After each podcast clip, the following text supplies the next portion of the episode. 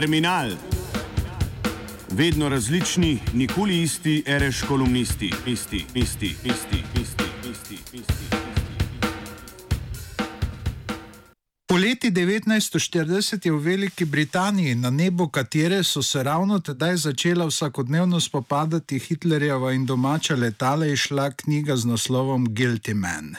Nastala je med 1. in 4. julijem tistega usodnega leta, tiskarski stroji pa so se zavrteli že dan potem, ko je bila na tipkopis izvirnika pritisnjena zadnja pika.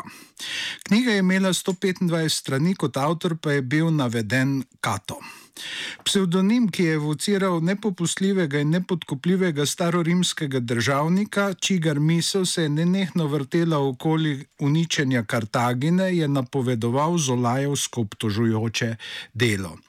In res so bravci, ki so hlasno razgrabili prvo izdajo, ter potem še ostale. Druga drugi so si sledile v vse krajših intervalih, za platnicami našli eksplozivno vsebino. Knjiga je on stran vseh klišejskih predstav o angliški distanciranosti vzela na muho odločujoče politike britanskih strank, ki so popuščali Hitlerju.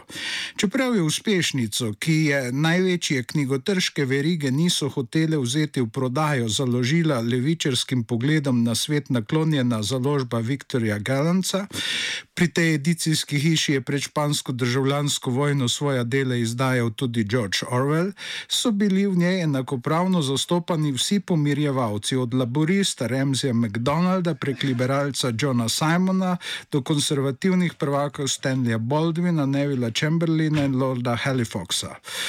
200 tisoč prodanih izvodov je upravilo veliko poslanstvo. Tudi nekateri v njej obravnavani grešniki so potem v Črčilovi vojni vladi pokazali veliko zauzetost za boj s Hitlerjem.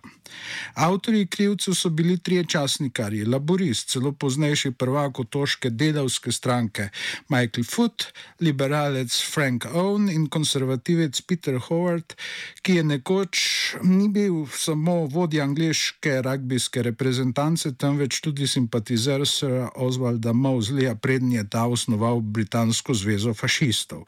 Čeprav so zagrešili nekaj faktičnih napak in more biti prevečkrat zadeli katero od svojih trč, tarč so postali posnemanja vreden zgled.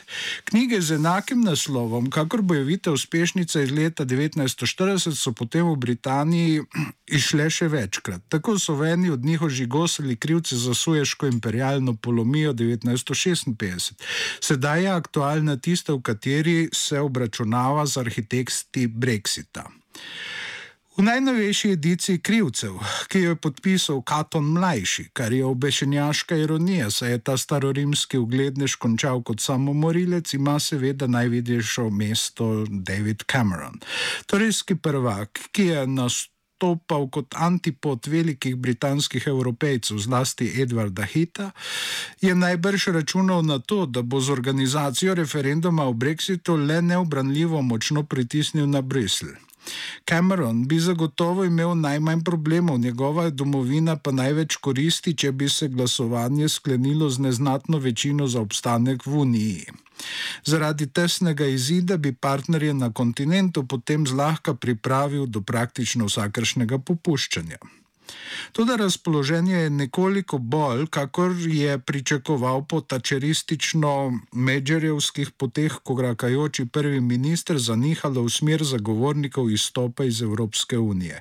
Camerono po sesutju njegovih kalkulativnih iluzij kazalo drugega kot odstopiti. Mož je vedel, da bo Brexit za uradni London polomija, prav tako pa mu ni bilo neznano, da bodo tudi kontinentalni partnerji, zlasti Nemčija, dobili hude odrgnitve trgnine, večje od tistih, o katerih se je kdajkoli govorilo v javnosti. Na vse zadnje je Evropska unija obema velikima državama neizmerno koristila. Ko je Britanija leta 1973 pod hitovim vodstvom vstopila v povezavo, je veljala za inzularnega bolnika. Ko je izglasovala izstop iz nje, pa se je lahko pohvalila z najhitreje raztočim gospodarstvom v skupini najrazvitejših držav. Po drugi strani je Nemčija s svojimi investicijami investicijami na otoku dejansko podaljševala lastno ekonomijo in jo delala odpornejšo v planetarnih prerivanjih. V isti sapi je tudi drobila zgodovinsko pogojeni psihološki odpor do svoje navzočnosti v tujini. Zdaj v Angliji ob ozrtju postav, kakršna je iz ustvarjalnih retort Agate Christie pričarani Erkil Poirot, iz ost otoških domorodcev ne mara ni več slišati krika groze Foreigner. Od Britancev so tradicijo izdajanja krivcev ob največjih polomijah prevzeli tudi ponekod drugod. Tam danes se knjige tega naslova ukvarjajo z Avstralijo, Indijo in še katero drugo deželo. Čisto gotovo je, da imamo tudi v Sloveniji mnogo dobrih razlogov, da bi pisali takšno delo. Le da bi pri nas to ne mogel biti tanek zveščič, temveč zajetna enciklopedija. Seveda pa bi se potem terapevtski učinek zakasnil, kaj ti svet najhitreje spreminjajo kratke knjige. Pri nas lahko najdemo še druge razloge za to, da ni krivcev. Kakor v Britaniji leta 1940 bi dela te vrste najbrž nobena knjigotrška mreža ne sprejela v prodajo. Naših kupčevalcev z besedami namreč ne zanima posel. Verjetno so o ekonomiji zadnjič kaj slišali od preproščevalcev misli Karla Marksa, ki pa za uspešno poseganje na trgu kapitalističnem kontekstu zagotovo niso najbolj navdihujoči, temveč cirkulacija intelektualne šare in krame, za katero so si sami zamislili, da mora postati duhovna hrana množic. A takega obupno paternalističnega pristopa dan danes večinoma ne prakticira niti politika, ki je brez dvoma mnogo bolj robustna od vsaki paniki podvržene ekonomije. Zdaj ljudje pač kar sami povedo, kaj hočejo. Če tudi ne vedo zmerom zakaj oziroma če sploh to potrebujejo. Tudi problem prodaje je mogoče rešiti. Julija 1940 križi z distribucijo niso zaustavili Viktorja Galanca in to kljub sovražnemu govoru do nadvse vplivnih Chamberlainovskih dežnikarjev, proti katerim je še desetletja pozneje grmel Lyndon Johnson, ki je s tem skušal zadeti svojega tekmeca Johna Kennedyja, čigar oče je bil generacijo prej med vodilnimi ameriškimi zagovorniki pomirjevalnega političnega kurza v odnosih s Hitlerjem. Informacijski dobi je kljub žandarjem in pandurjem novega kova, ki si prizadevajo ustvariti sistem miselne policije, ta gordijski vozel mogoče ne samo presekati, temveč tudi razplesti. Težava je pri nas druge, pri avtorjih. Nezadovoljnejši z obstoječim stanjem iz različnih eh, vetrov in strani političnega in vsakršnega neba, Sloveniji ne zmorejo v nobeni stvari biti drug ob drugem, niti pri enem samem koraku. Naša bolezen, ki je pri prizadevanjih za kar najširše učinkovanje kritike usodno, se imenuje ekskluzivizem.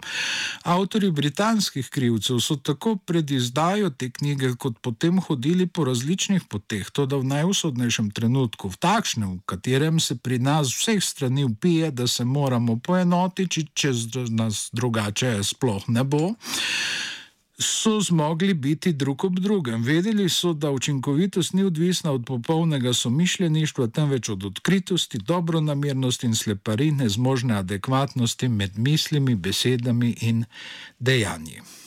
Terminal je pripravil Igor Grdina.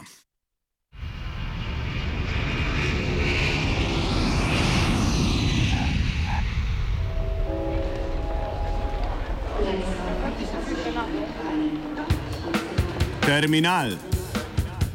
Vedno različni, nikoli isti, reš kolumnisti, isti, isti, isti, isti, isti, isti. isti.